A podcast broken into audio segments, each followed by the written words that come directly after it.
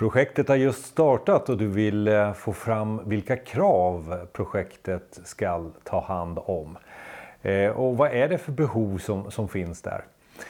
Du använder säkert en standardiserad projektmodell och, och, och får hjälp i, kanske genom den. Men eh, om du vill ha lite tips om vad det är du kan använda dig utav. Vad är det för någonting? Vilka verktyg och, och vilka sätt kan du göra för att få in dina krav och dina behov? Här kommer nio stycken. Eh, det första då är workshop. Det enkla att samla en hel grupp och eh, workshoppa fram eh, någonting. Tänk på att ha med beslutsfattarna och produktägarna här. För det är ju de som ändå är den stora delen av projektet. En annan kan vara omvärldsanalys. Då är det ju att besöka eller läsa in sig på några liknande projekt som finns. Som finns eller har avslutats. Eh, här är det ju också så att eh, intressenter kan vara delaktiga för att få det här större eh, perspektivet på projektet. Det här är ett stort värde för, för framtiden att använda sig av omvärldsanalys. Ett annat sätt är ju våra processer och, och det, det som finns runt dokument, dokumentanalys. Det får man ju en grundläggande förståelse för vad är det för några krav som finns Eh, på, på det arbetet som genomförs idag till exempel. Här kan det ju vara så att den informationen som man hittar kanske inte är så uppdaterad. Den här processkartläggningen kanske inte är gjord på, på länge till exempel. En annan kan vara studie, att studera och observera verksamheten.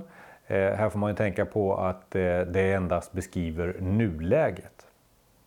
Intervjuer, eh, förlängning av det, eh, det är ju att prata med beslutsfattare och intressenter. Eh, för det här är ju då du får fram då de viktiga effekterna på projektet. Eh, tänk här på att försöka att hitta en tydlighet och en, en målsträvan i dina intervjuer. Ett annat sätt är prototyper eller proof of concept. Det är skisser eller demoprodukt till och med. Eh, eh, och det skapar ju en förståelse för, för projektet lite mer kanske i fysisk, fysisk form. Det tar oftast lång tid dock och kan kosta lite för mycket pengar. Fokusgrupper, ja de är bra att ha för att då får du eh, bekräftelse på idéer Eh, och den kravbild som du själv har, har satt upp och den blir ju då över tid också. Eh, det kan ju vara väldigt många åsikter och det är svårt att hantera de här eh, och få fram de viktigaste kraven dock. Men fokusgrupp kan vara ett eh, sätt. Vidare, enkäter. Eh, det är att sprida någonting till många för att få in en mätning om ett nuläge och ett önskat läge.